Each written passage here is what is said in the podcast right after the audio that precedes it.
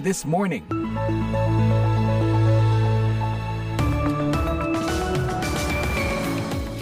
Hai, selamat pagi. Inilah VOA This Morning bersama saya Madioni, produser Jimmy Manan, dan teknisi Zainab Abdurrahman, Senin 17 April 2023.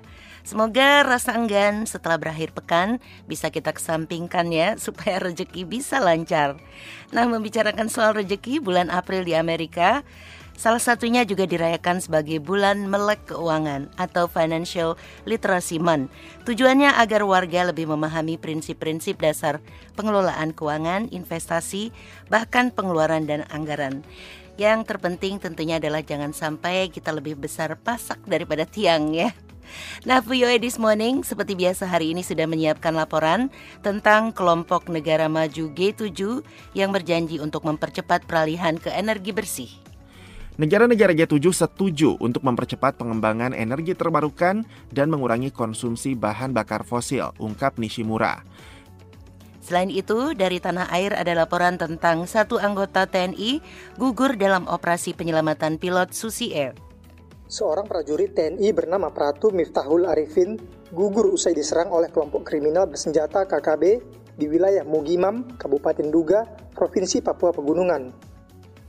Pagi ini VOA This Morning juga dilengkapi dengan laporan tentang perang di Sudan, perang di Sudan yang menyebabkan Liga Arab menggelar rapat darurat. Selain itu, siaran ini juga bisa diikuti melalui situs www.voaindonesia.com atau simak lagi dalam podcast VOA This Morning episode hari ini di podcast langganan Anda. Tapi sebelumnya kita ikuti dulu laporan-laporan tersebut. Inilah berita dunia VOA. Empat orang tewas dan sedikitnya 20 lainnya luka-luka dalam penembakan pada Sabtu malam di kota kecil Dadeville, kata kantor penegak hukum Alabama, Minggu 16 April. There were four lives, not fatalities, lives. There were four lives tragically lost in this incident. Menurut juru bicara kantor itu, Sersan Jeremy Burkett, penembakan itu terjadi Sabtu sekitar pukul 22.30 waktu setempat. FBI, Biro Alkohol, Tembakau, Senjata Api, dan Bahan Peledak Amerika, serta kantor kejaksaan wilayah kelima juga telah merespon ke lokasi dan membantu penyelidikan, kata kantor penegak hukum tersebut. Belum ada konfirmasi tentang apa yang menyebabkan penembakan itu dan belum jelas apakah ada tersangka yang ditahan. Gubernur Alabama Kay Ivey dalam postingan di Twitter minggu pagi mengatakan ia tetap mendapat pengarahan terbaru dari penegak hukum saat ada rincian peristiwa itu. Presiden Rusia Vladimir Putin minggu bertemu Menteri Pertahanan Tiongkok Li Shangfu di Moskow. Ia memuji kerjasama militer antara kedua negara yang telah mendeklarasikan kemitraan tanpa batas.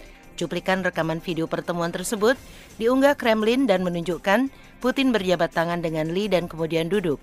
Menteri Pertahanan Rusia Sergei Shoigu juga hadir. Уважаемый товарищ министр, очень рад вас видеть. Вы прибыли в Россию после визита в нашу страну. Putin mengatakan pengembangan hubungan antara kedua negara berjalan baik dalam semua bidang, ekonomi, sosial budaya dan pendidikan dan dalam bidang militer kata Putin dalam sambutan pembukaan. Tiongkok telah mengumumkan kunjungan Li ke Moskow pekan lalu dengan mengatakan bahwa Li akan bertemu pejabat-pejabat pertahanan, tetapi tidak menyebutkan pertemuan dengan Putin. Presiden Tiongkok Xi Jinping bertemu Putin di Moskow bulan lalu.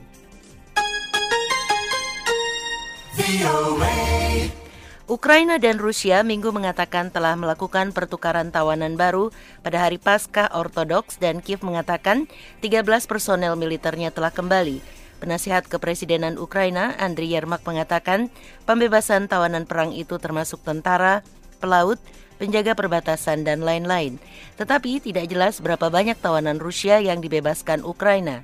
Meskipun perang terus berlangsung, kini pada bulan ke-14, kedua negara telah melakukan pertukaran tawanan beberapa kali, biasanya dalam jumlah yang sama besar. Dalam sebuah video yang diposting di Telegram, Yevgeny Prigozhin, pendiri dari kelompok tentara bayaran Wagner, terlihat memerintahkan seorang tentara menyiapkan tawanan Ukraina untuk meninggalkan teritori yang dikendalikan Rusia pada tengah hari Minggu. Para tawanan terlihat naik ke atas truk dan berjalan di sepanjang jalan. Korps Marinir Rusia minggu melakukan manuver berskala besar sebagai bagian dari pemeriksaan mendadak kesiapan tempur armada Pasifiknya. Kapal pendarat Nikolai Vilkov dan Laksamana Nevelskoy berpartisipasi dalam latihan tempur yang diadakan 160 km dari Vladivostok, kata kantor berita Rusia RTR. Awak kendaraan lapis baja atau tank BTR-82A dari pasukan pesisir Angkatan Laut Rusia juga bergerak ke darat di mana mereka melakukan tugas-tugas taktis. Rekaman video yang disediakan oleh lembaga penyiaran resmi Rusia menunjukkan manuver-manuver di darat dan di laut. Namun, rekaman video tersebut tidak bisa dikukuhkan pihak ketiga oleh kantor berita Associated Press.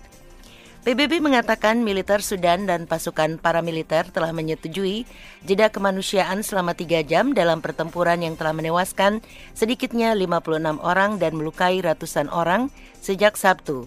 Sebuah pernyataan PBB mengatakan militer dan kelompok pasukan dukungan cepat menerima ketentuan jeda yang diusulkan dalam bentrokan.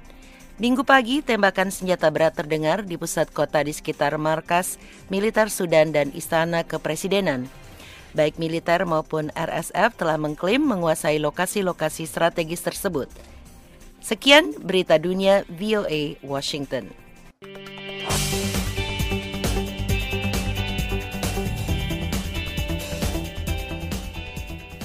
Para Menteri Iklim dan Lingkungan G7 bertemu di Jepang untuk membahas komitmen mereka guna memerangi krisis iklim. Beberapa kesepakatan dicapai meski tidak sesuai ekspektasi. Selengkapnya disampaikan Rifan Dwi Astono. Menteri-menteri iklim dan energi anggota kelompok tujuh negara industri G7 pada hari Minggu sepakat untuk bekerja sama dengan negara-negara selatan dunia, termasuk wilayah Amerika Latin, Asia, Afrika, dan Oseania, serta dengan satu sama lain untuk mencapai target iklim mereka, kata Menteri Perdagangan dan Industri Jepang Yasutoshi Nishimura dalam konferensi pers. Menteri-menteri kelompok negara demokrasi maju itu bertemu di kota Sapporo, Jepang Utara selama dua hari untuk membahas kebijakan iklim, energi, dan lingkungan. Isu mengenai sumber bahan bakar dan ketahanan energi terbarukan menjadi semakin genting menyusul invasi Rusia ke Ukraina. Negara-negara G7 setuju untuk mempercepat pengembangan energi terbarukan dan mengurangi konsumsi bahan bakar fosil, ungkap Nishimura. Namun mereka gagal menyepakati tenggat waktu tahun 2030 untuk mengurangi konsumsi batu bara seperti dikampanyekan oleh Kanada dan anggota lainnya Negara tuan rumah, Jepang, yang bergantung pada impor untuk hampir semua kebutuhan energinya, ingin mempertahankan gas alam cair sebagai bahan bakar transisi, setidaknya selama 10 hingga 15 tahun ke depan. Yasutoshi Nishimura mengatakan, 今回の G7 大臣会合におきましては、世界中の国々にはですね、 pada pertemuan G7 kami mengakui berbagai negara di dunia memiliki situasi ekonomi dan energi yang berbeda-beda dan jalan menuju netralitas karbon pada tahun 2050 sepatutnya beragam. Yang penting mengarah ke target nol emisi karbon. Hal itu diakui. Komunike G7 berjanji akan secara bersama-sama meningkatkan kapasitas pembangkit listrik tenaga angin lepas pantai menjadi 150 gigawatt pada tahun 2030 dan kapasitas pembangkit listrik tenaga surya hingga lebih dari 1 terawatt yang mereka sebut sebagai peningkatan energi bersih yang drastis. Mereka juga sepakat akan mempercepat penghapusan bertahap unabated fossil fuels, yaitu pembakaran bahan bakar fosil yang tidak menggunakan teknologi untuk menangkap hasil emisi karbon dioksida. Sementara itu, dalam wawancara dengan The Associated Press hari Minggu, utusan khusus Amerika Serikat untuk urusan iklim John Kerry mengatakan bahwa setelah begitu banyaknya investasi dalam energi bersih, tidak boleh lagi ada kemunduran dalam upaya mengakhiri emisi karbon.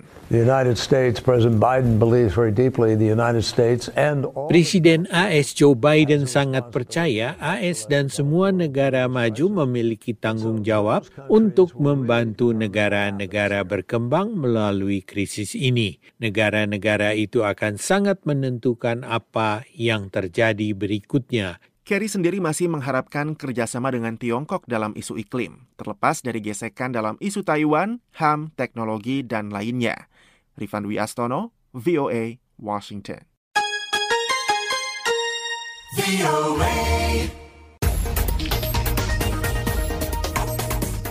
Perwakilan Liga Arab melangsungkan pertemuan darurat hari Minggu terkait situasi di Sudan, di mana terjadi pertempuran antara pasukan militer pemerintah dan kelompok paramiliter bersenjata untuk memperebutkan kekuasaan. Laporannya disampaikan Eva Masrieva.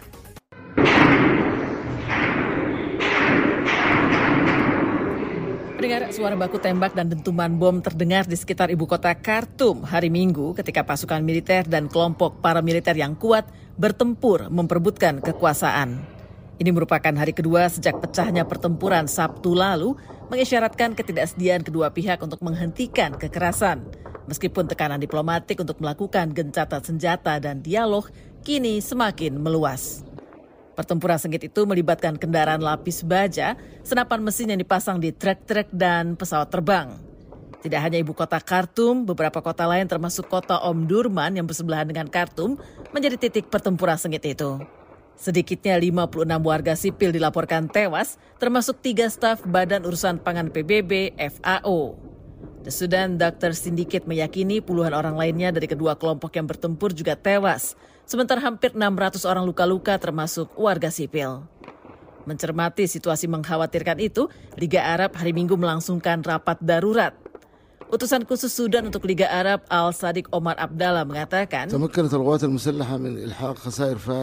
Angkatan bersenjata Sudan telah melancarkan pukulan dan menimbulkan kerugian besar pada pasukan pemberontak sambil melanjutkan patroli di sebagian daerah.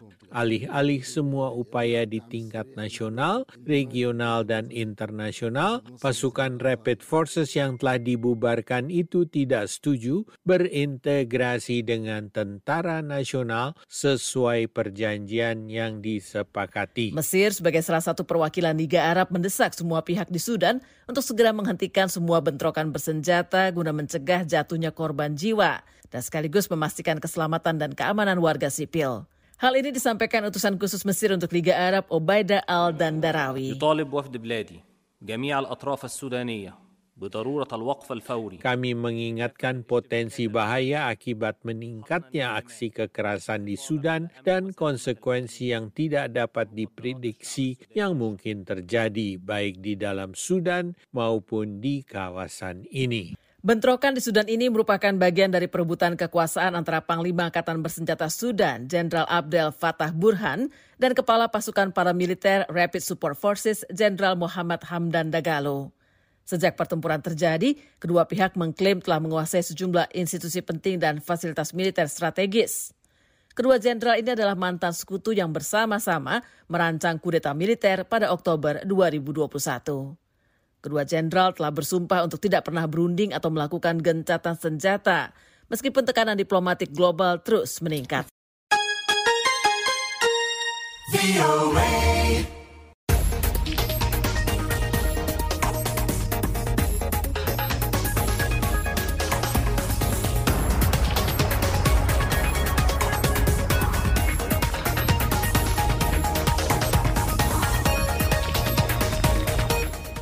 Satu anggota TNI dilaporkan gugur pada saat melakukan operasi penyelamatan pilot Susi Air yang disandra kelompok kriminal bersenjata atau KKB. Anugrah Adriansyah melaporkan. Seorang prajurit TNI bernama Pratu Miftahul Arifin gugur usai diserang oleh kelompok kriminal bersenjata KKB di wilayah Mugimam, Kabupaten Duga, Provinsi Papua Pegunungan.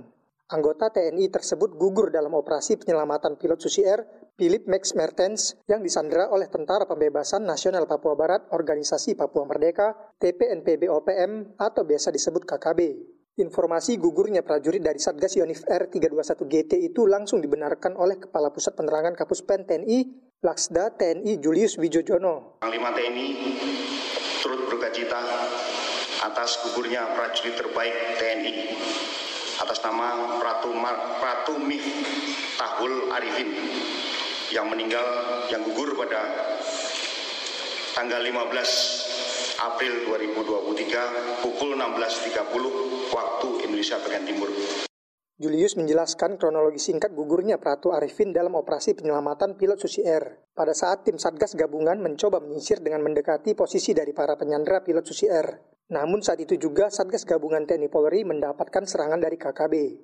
Kemudian ada serangan dari mereka, satu terjatuh, di kedalaman 50 meter dan ketika mencoba untuk menolong mendapatkan serangan ulang. Kemudian, Julius juga menjawab terkait informasi yang menyebutkan ada enam prajurit TNI gugur dalam misi penyelamatan pilot Susi Air di Nduga. Sampai pukul ini, pukul 14.03, informasi yang saya terima secara fisik baru satu orang, hanya satu orang. Sementara itu, juru bicara TPNPB OPM, Sebi Sambom, mengklaim pihaknya telah menembak mati 9 prajurit TNI yang mencoba menyelamatkan pilot Susi Air. Kami perlu uh, laporkan uh, di sini karena kita baru saja pukul 10.40 pagi kami terima laporan awal konfirmasi bahwa Panglima Kian dan pasukannya sampaikan uh, mereka sudah membunuh sembilan orang bukan enam orang dan sembilan bucuk senjata sudah pindah tangan TPNPP. Anugerah Andriansyah melaporkan untuk VOA Washington.